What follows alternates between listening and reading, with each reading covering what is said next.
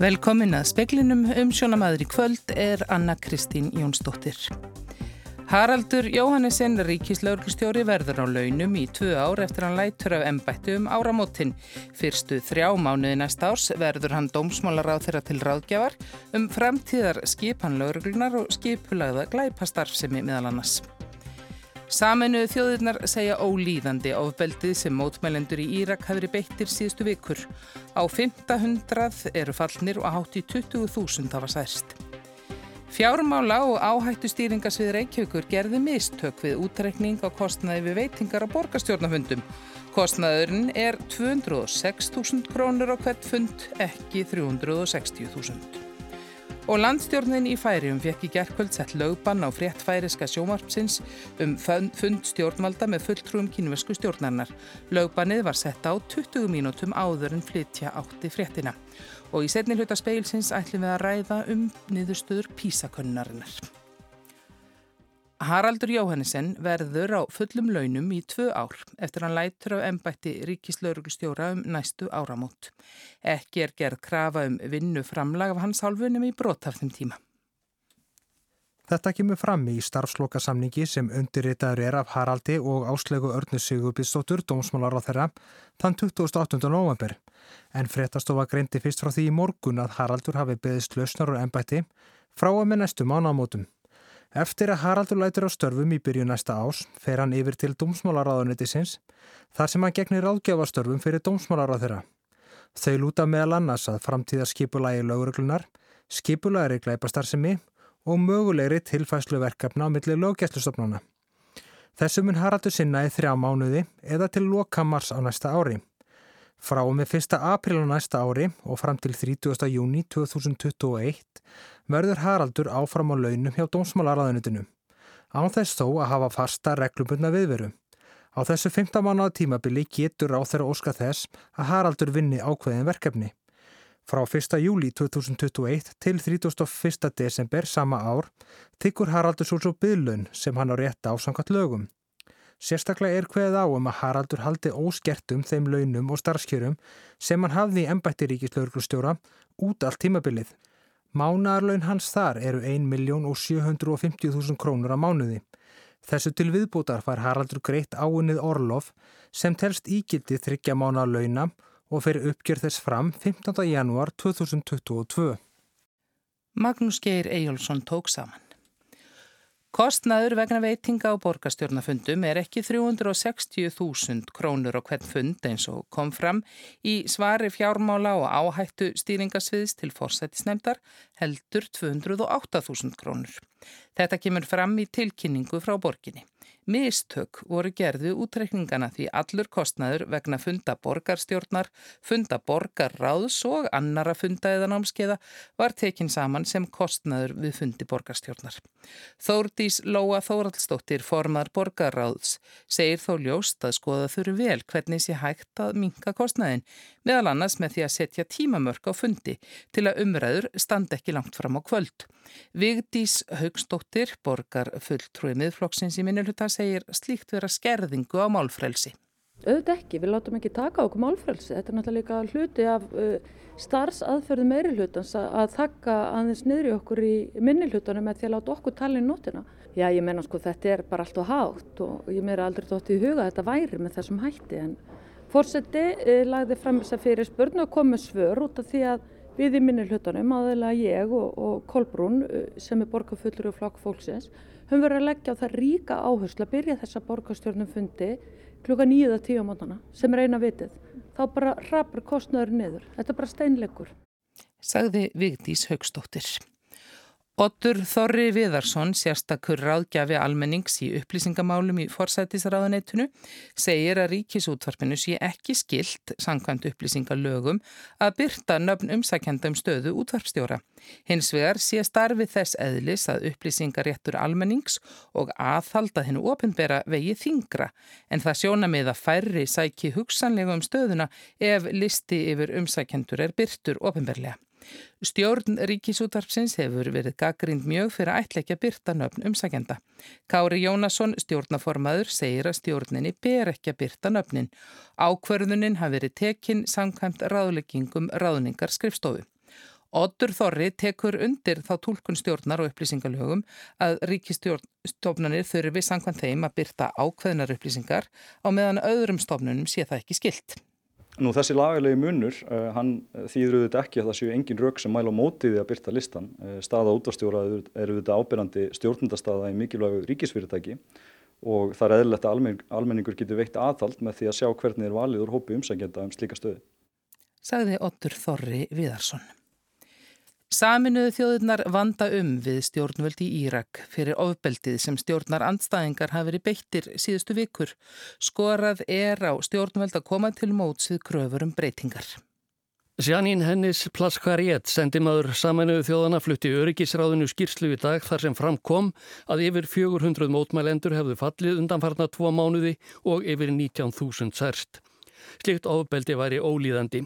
Hún varaði Írauks stjórnvöld við því að reyna að kaupa tíma með skamtímalausnum eða valdbeitingu sem gerði ekki annað en að auka óanægu fólks og herða mótmælin en frekar. Adel Abdel Mahdi fórsættisráður að tilkynnti afsögn sína í síðustu viku eftir að aðstiklerkur síta kvatti íraska þingi til að hætta stöðningi við ríkistjórnina. Arftæki hans hefur enn ekki fundist. Letóvar stjórnmálflokka komu saman í Bagdad í dag og reyðu ráðum sínum. Engar frettir hafa borist af því að samkommulag hafi náðst. Stjórnarandstæðingar krefjast þess að kynnslóðaskipti verði í íraska stjórnkerfinu. Það einkennist af spillingur áðamanna og handónýtri þjónustu hins opimbera og öllum sviðum samfélagsins. Þá er mótmælt botlausu atvinnuleysi í landinu, ekki síst meðal ungs fólks. Ásker Tómasson saði frá. Landstjórnin í Færium fjekk í gerkvöld sett lögban á frétt færiska sjónvarpsins um fundustjórnvalda með fulltrúum kínversku stjórnarinnar um 5G, 50 kynnslóð fjarskiptakerfisins. Þetta gerðist 20 mínútum áður en fréttatímin átt að hefjast. Fundurinn var haldinn 11. november og hann sátu sendi herra Kína í Danmörku og bárður á steig Nílsen lögmaður og Jörgen Niklasen fjármálar á þeirra í færisku landstjórninni. Haftir eftir Georg L. Pettersen, fréttastjóra færiska ríkisútarsins að síðdeis í gær, hafi dómari og lögfræðingur úr innan ríkisraðanettunu komið í útvarshúsið og lögfræðingurinn krafðist þess að lögbann er þið sett á fréttina. Tveimur stundum síðar kom fógeta úrskurður þar sem fallist var á það. Þetta þýðir að starfsmenn ríkisútvarsins meiga ekki greina frá innihaldi fréttarinnar en þeir áforma að láta reyna og réttmæti lögbannsins fyrir dómi. Nemndum stopnu þjóðgars á miðhálendi Íslands skilaði Guðmundi Inga Guðbrandsinni umhverfis og auðlindarráð þeirra skíslu sinni í dag. Í nemndinni sátu fulltrúar allara þingflokka á alþingi, sambands íslenskara sveitarfélaga, umhverfis og auðlindaráðunitis og forsættisráðunitis. Í skýrslunni koma fram tillögur um hvernig skuli standa stopnun slíks þjóðgars. Gert er ráð fyrir að umhverfis ráð þeirra leggji fram frumvarp í vor sem byggist á tillögum nefndarinnar. Guðmundur Ingi Guðbrandsson um hverfis og auðlindar á þeirra segir að hort hafi verið til þeirra gaggrinnisratta sem komu fram frá sveitarfjölugum og orkufyrirtækjum í umsagnaferlinu. Ítarlega er greint frá þessu á rúf.is. Nýliðin november var óvenju hægviðra samur og tíð hagstæð, segir í samantekt veðustofu Íslands um veðrið í mánuðinu. Óvenju þurft var um landið norðanvert og mánuðurinn víða þurrasti november mánuður um áratuga skeið. Kaldast var á norðausturlandi en hlýra vestan til á landinu. Hæsti hiti mánadarins mældi snæri 11 stík á skjaldþingstöðum 15. november. Mest frost í november var næstum 20 stík á setri 18. november. Mest frost í byggð voru 19 stík í Möðrudal 18. november og í Svartarkoti þann 20. og 7. Hvít duft sem lauruglumenn á Vesturlandi töldu kokain reyndist auk þess innihalda ormalif sem ætlaði dýrum og verkastillandi lif sem ekki lengur nota hérlandi. Á vef lauruglunar á Vesturlandi segir að fíknefnamálum hafi fjölgað í flestum tilfellum sem en grunaður um axtur undir áhrifum fíknefna. Efnið sem laurugla létt greina var tekið af ungu manni sem grunaður var um slíkan axtur.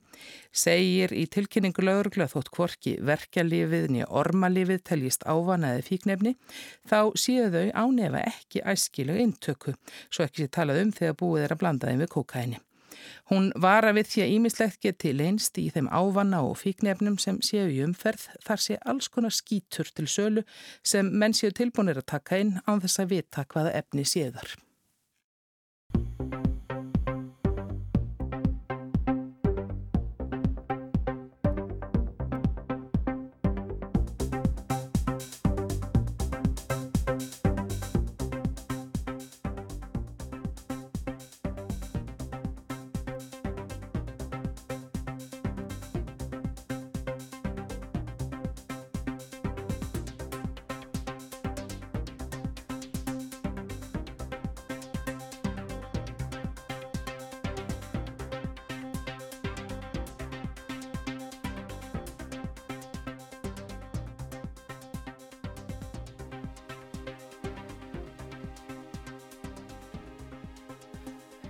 Niðurstöður písakönnar sem lögð var fyrir í fyrra og niðurstöðuna kynntar í dag sína að leskilnangi badna sem eru við það ljúka grunnskólanum hefur rakað frá því sem var árið 2009 en litlu munar núna með við síðustu kannanir.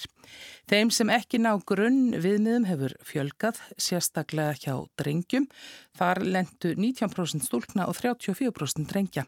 Í íslenskum nefndum gekk almennt verð en jafnaldurum þeirra annar staðar á Norðurlöndunum í leskilningi en þeirra var bætt sig í stærfræði frá því sem var árið 2015 eru þar yfir meðaltali ósýtti landa en undir því sem var hér fyrir árið 2003 og íslensku nefndir eru undir meðaltali í skilningi á náttúruvísindum og þetta kannski lítur að vera ágefni að staða Íslands í hópi Norðurlandana hefur dalað frá því um aldamótin þegar Íslendinga tóku fyrst átt í písakonunum. Þessar niðurstöður gáfu mentamálaræðar í dag til til að brína menn til dáða og kynnaðgerðir sem eiga ebla læsi og bæta orðaforða sérstaklega. Aukin þjálfun kennara og fjölbreyttari kennsluaðferðir voru líka nefndar og að fjölga kennslustundum í íslensku verulega, endur skoða íslensku kennsluna og auka væntingar til nefnda. Hingað eruðu komin Sigrun Edda Edvarsdóttir, formaður heimilis og skóla og Ragnar Þór Pétursson, formaður kennarsambands Íslands. Þessar, þessar kannanir, það eru kynntar, líða þrjú ára milli og, og þetta hána ekki verið neins svona gleði tíðindi þó að síðast kannski smá vonar bjarmi þannig einn á milli, síður hún þetta. Já, það var, eins og segja, við heimil og skóla við lítum á þess að niðurstöðu sem vonbriði, líkt og ég held að ég við um flesta þá sem koma að skólasamfélaginu og einn annan hátt, þannig að en ég held að það sé alveg ljósta við þurfum að bregðast við og hérna og samstilt átak þar til ef átak skildi kalla. En, en, en Ragnar, það er nú ekki eins og það hafi ekki verið átak tekin eða gerað áður. Nei, það er þversögnin í þessu að hérna að við höfum ekki setið auðum höndum síðan að við fengum síðustu niðurstöður og þar síðustu og hér hefur verið nána stanslust sko lestrar átak í gangi og við höldum sjó í þeim greinum sem ekkert átak var í en við dölum hressilega í greinin sem átæki var í og það vekur áekjur og það vekur spurningar og, og sko og það fær maður til að huglega þetta við lengra tímabil og alveg aftur til í raun þá var 1990 sem að var fyrsta alþjóðlega samanburðaransóknin á læsi og leskilningi í íslensk langmenna og við komum ekkert vel út þá heldur. Það var rosa sjokk vegna þess að við heldum alltaf að við værum svo mikið bókaþjóð og allir væru læsir. En við vorum svona í slöku meðalagi á Norðurlöndunum og reyndar aðeins yfir svona alþjóðlega meðaltölunum. Og og það vaknar grunur um það að það er það sem við óttumst versta mögulega ástæðan fyrir þessu er svo að íslenskur málheimur og íslenskt umhverfi, mál umhverfi batna sé einfallega að minka eða þau að slitna út tengslu við það og það valdi því að þau hafi ekki nægan orðaforða til að standa sér vel til dæmis á svona prófum. Mm. Ef það er ástæðan, við veitum það ekki, en ef það er ástæðan þá þarf að tækla það allt, með allt öðrum hætti heldur en ef ástæðan einfallega svo að við erum ekki að standa okkur nóg við lestrakennslunni eða hugtækarkennslunni þó að, þó að við mögum örgulega bæta okkur það líka. Sigrun Etta, Lilja Alfredsdóttir, mæntamlar á þeirra, hún nefndi það í dag þegar hún var að kynna niðurstöðnar hana líka, að það þurfti eiginlega auka væntingar til nefnda og það er svona freistandi að setja það í samingi við það sem hún nefndi að að það væri hærra hlutfall kennara hér á Íslandi sem segist þurfa að býða eftir að kæmist á ró í skólastofunni eða er þið fyrir tröfluna nefnendum. Er þetta þessi, það sem stundum er kallað um sem agavandamál eða agaleis í íslenskum skólum? Já, það hefur rætt um það að orðla ragnarlega betri sérfræðingur á þeim vættvangi innan skólakerfisins en það er, er rétt að hérna, þetta er vissulega áhugjefni og hérna, eitthvað sem við þurfum að skoða frá mörgum hlýðum og ég held líka það sem er rosalega mikilvægt líka í þessu samengi er að við fóröldar þurfum að taka þátt í þessu samtali. Við þurfum náttúrulega að vita hvað er að gera þessi skólastofunni.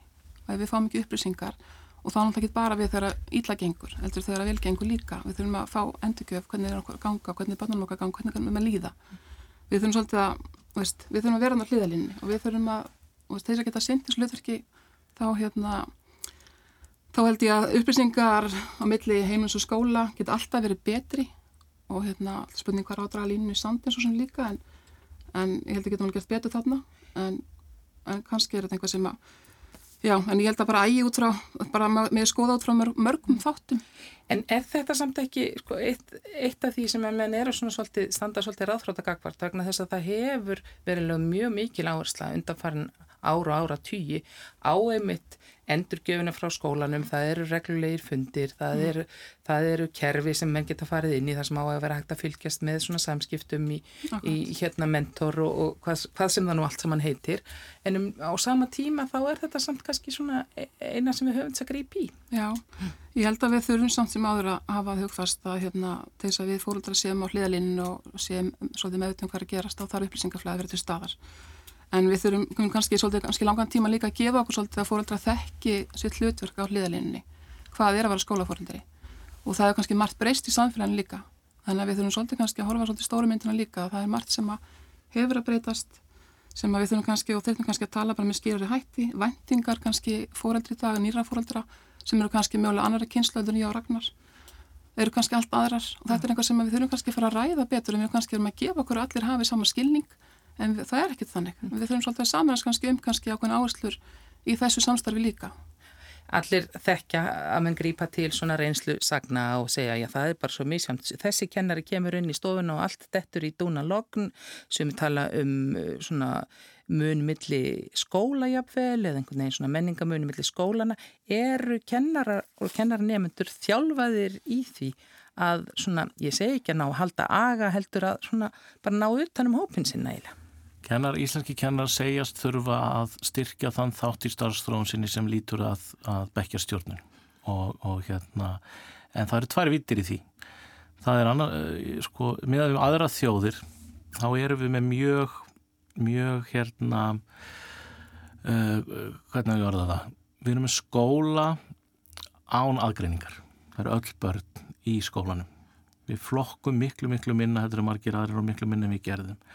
Þannig að það að, að, að, sko, að stjórna og hafa stjórn á beknum sínum, það getur líka lotið að því að geta tryggt að allir séu í námi við hæfi, að engum, engi sé að detta útbyrðis eða dragast aftur úr eða, eða leiðist og það held ég að sé stóra áskorunin því ég ætla bara að lega mér að fullir það að Íslensk börn er ekki dagalausari heldur en Íslensk samfélag.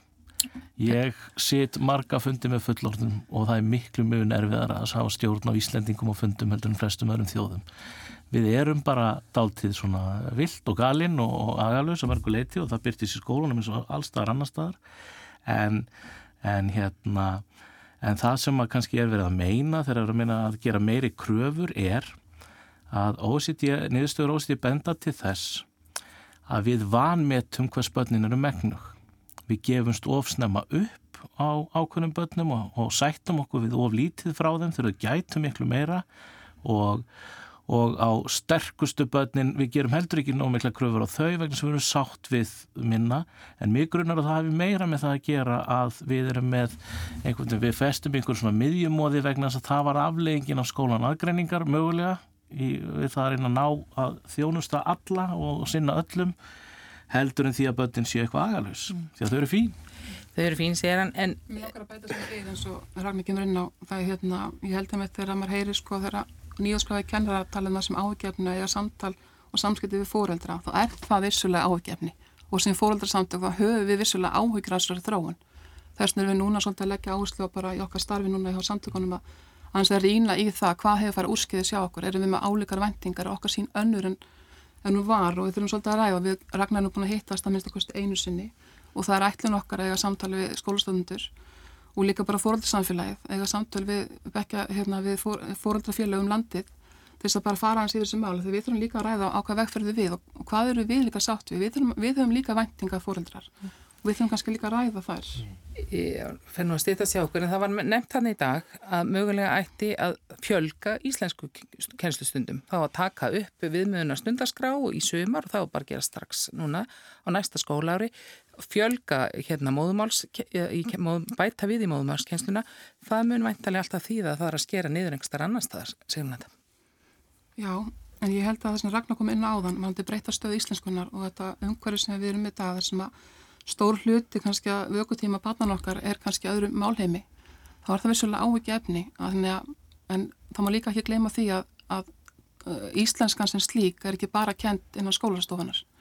Hún fyrir fram viða í samfélaginu, þannig að við öll hérna í þessu samfélagi, þessum búum hérna á landinu, þurfum alltaf að taka þátt í þessu verkefni. Þannig að við veist ekki bara að snúa sko, spjótonum að skólanum eða fóreldrum eða slíkum. Við þurfum öll að leggjast á eitt af því að þannig held ég að ná mestum árangri. Ragnar, sér það ekki fyrir þér að það verði flóki verkefni að, að bæta við í íslenskunni og, styrta, og fækka einhver starfamstar? Ef það ekki á að lengja skóladaginn þá verður auðvitað að skera eitthvað niður og jú, ég held að verði þetta aldrei flókið og ég, ég hef af öllum aðgerðum ráð þeirra sem að eru, eru sko, hún, hún bregst við þessum tíðundum að mikil yfirvegun og, og, og vel sínins mér þá er þetta sem ég hef mestar ágjur af vegna þess að vegna þess að það er ekki nóg að fjölga íslensku tíma við breytum einhver því sem við erum að gera og við reyndum þetta síðast, við ákvaðum það að við myndum bæta læsi með því að setja ræðlestrapróf og, og drilla börnin meira og meira og meira, það skilaði engum árangri, ekki nokkum sköpuðum. Þannig að það sem kannski likum ennþá meiri, meira á er að endur skoða eintakið vegna þess að, vegna þess að hérna, til dæmis bara það að, að hérna, í stóri könnun á, á kennsluháttum í íslensku skólakerfi fyrir nokkrum árum þá komi ljósa börnin höfðu neikvægt við þór til íslenskunar Og þetta verður haldið áfram að ræða og við fáum að heyra því meira eftir því sem að framvindur eins og það heitir. Sigrun Etta, Eðvarsdóttir og Ragnar Þór Pétursson, takk fyrir komina í speilin.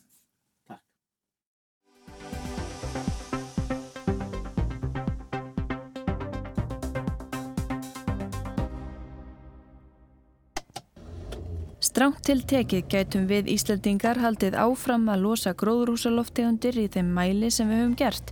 Samdráttar markmiðum sem eru á ábyrð stjórnvalda mætti ná með því að byggja upp vindorku veri eða virkja jarðvarma í öðrum ríkjum. Það er búið að veita aðildaríkjum Parisasamkommalagsins heimild til að versla með losunarheimildir innan lands eða milliríkja en nákvæm útfærsla á þessu alþjóðlega viðskiptakerfi sem er kallað SDM likur ekki fyrir. Kerfið á að leysa af hólmi annað kerfi CDM sem var komið á lagirnar í tengslum við Kyoto-bókunina. Þegar það tímabili verður gert upp þarf Ísland líklega að kaupa losunarheimildir fyrir 100 miljóna af ríkjum sem hafa náð markmiðum sínum og gott betur. Við höfum nefnilega ekki náð okkar. Að setja reglur um viðskipti með losunarheimildir er eitt stærsta verkefnið sem býður sendinemda á lofslagsraðstöfnu saminuðu þjóðuna í Madrid næstu tvær vikurnar. Það þarf að ákveða hvernig skuli komið veg fyrir svindl, tvítalningu og glöfur.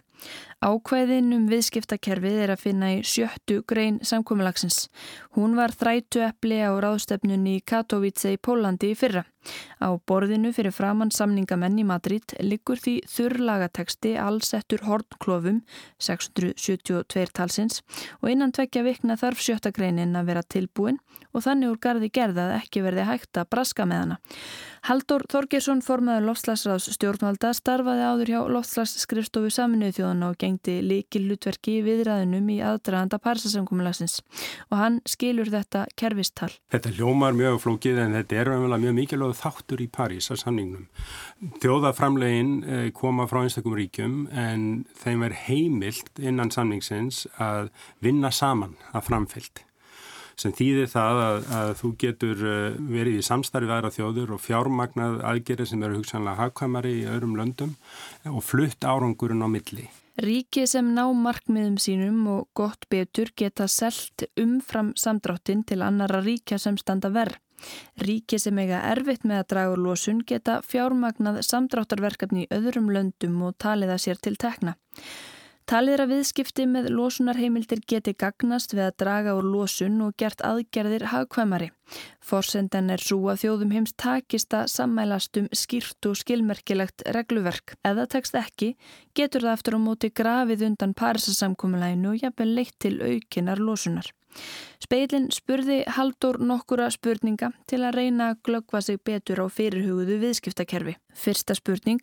Af hverju er sjötta greinin þrætuepli? Átökin snúast fyrst og ennst um það hversu skýrar umhverjuskröfunar verða. Þannig að það sé alveg á hreinu eh, að það sé raunverulegu samdráttur sem er verið að flytja á milli. Í fyrra ströndu viðræðunar meðal annars á gröfum Brasilíu, Indlands og Kína um að fá að nýta áfram heimildir sem þau hafa sapnað í gamla Kyoto-kerfinu. Mikið magn uppsapnara heimilda myndi lækka verð á þeim og þar með myndi kerfið skila minni árangri. Afstæðaríkja á borfi Brasilju getur oft mikið að segja um hvernig viðræðurnar í Madrid fara. Önnur spurning. Hafa svona viðskiptakerfi virkað? Hefur ekki verið offrambúð á heimildum og verðið of látt? Þetta sé ekki alveg rétt að þetta sé ekki að ganga vel vegna þess að þetta er svo mikilvægu þáttur í því að koma verði á kólefni.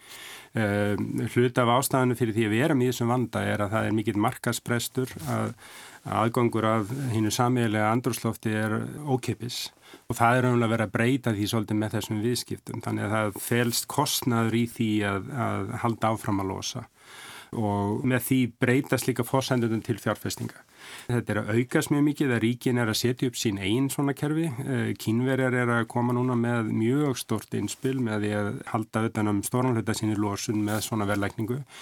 En það er bara fyrsta skrefið að setja verðið.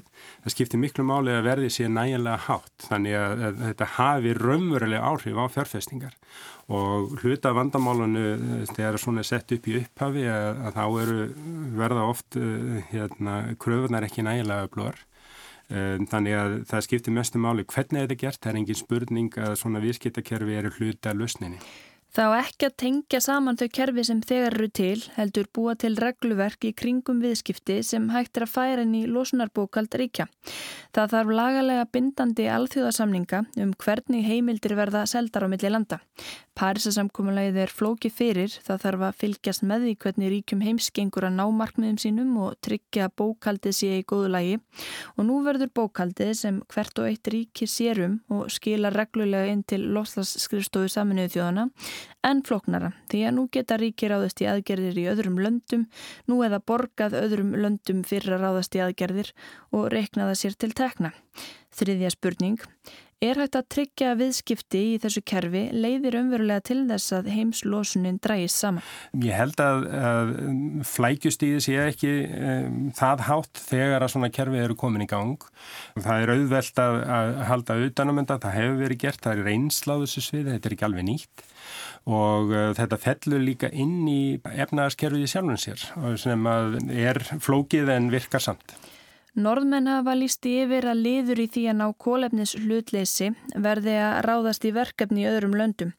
Finnar hafa aftur á móti lísti yfir að þeir heikist ekki kaupa samdrátt annar staðar eða selja eigin umfram árangur. Haldur segir leikreglutnar í viðskiptakerfinu þurfa að vera þannig að andrumsloftið njóti vafans. Ef að við látum svona vilda vestrið lögmálinn gilda að þá eru miklar hættur á að þetta verði ekki gert eins og þyrrt að gera. Þess vegna er svo mikilvægt að alþjóðlegt regluverk verði byggt upp í kringum þetta og það er á borðinu og vonandi ná þjóðunar samstöðum það að samþykja það og gera það lagalega bindandi. Ríkar þjóðir geta slefti að dragulósun heimaferir og ráðist stað í verkefni í efnaminni ríkjum. Efnaminni ríkin hafa ekki endilega slikt val. Spurning fjögur, er þetta sangjant? Haldur telur að megin þóri viðskipta með losunarheimildir verði innan ríkja. Til dæmis geti fyrirtæki sem stendur sig vel selt ríkistofnun sem stendur sig verð heimildir. Aðgerðir í öðrum löndum séu frekar hugsaðar sem viðbútt. Frumkvæði verður alltaf heima fyrir og það er mjög það er bara að við horfir á til dæmis þjóðar framlag þrónaríkjana þau eru raunverulega bara að hrópa á aðstótt til þess að byggja upp endur neðanlega orgu. Haldur talar ekki fyrir því að íslensk stjórnvöld gefist upp á því að dragu losun hér og ráðist þessi stað í jarðhýtaverkefni í öðrum ríkjum til dæmis. Það sé okkur í hag og eftirsóknavert að vinnað aðgerðum hér. Arnhildur Haldunandóttir talaði þarna við Haldur Þorgersson. En veðurhorfur eru þær að hann gengur í vestanátt 10 til 18 og dregur úr úrkomi í kvöld og nótt fer kólnandi. Hægari söðvestlega átt með jæljum á morgun en þurft norðaustanlands hiti um og undir frostmarki. Og fleiri er ekki speklinum í kvöld. Ragnar Gunnarsson sendi út veriði sæl.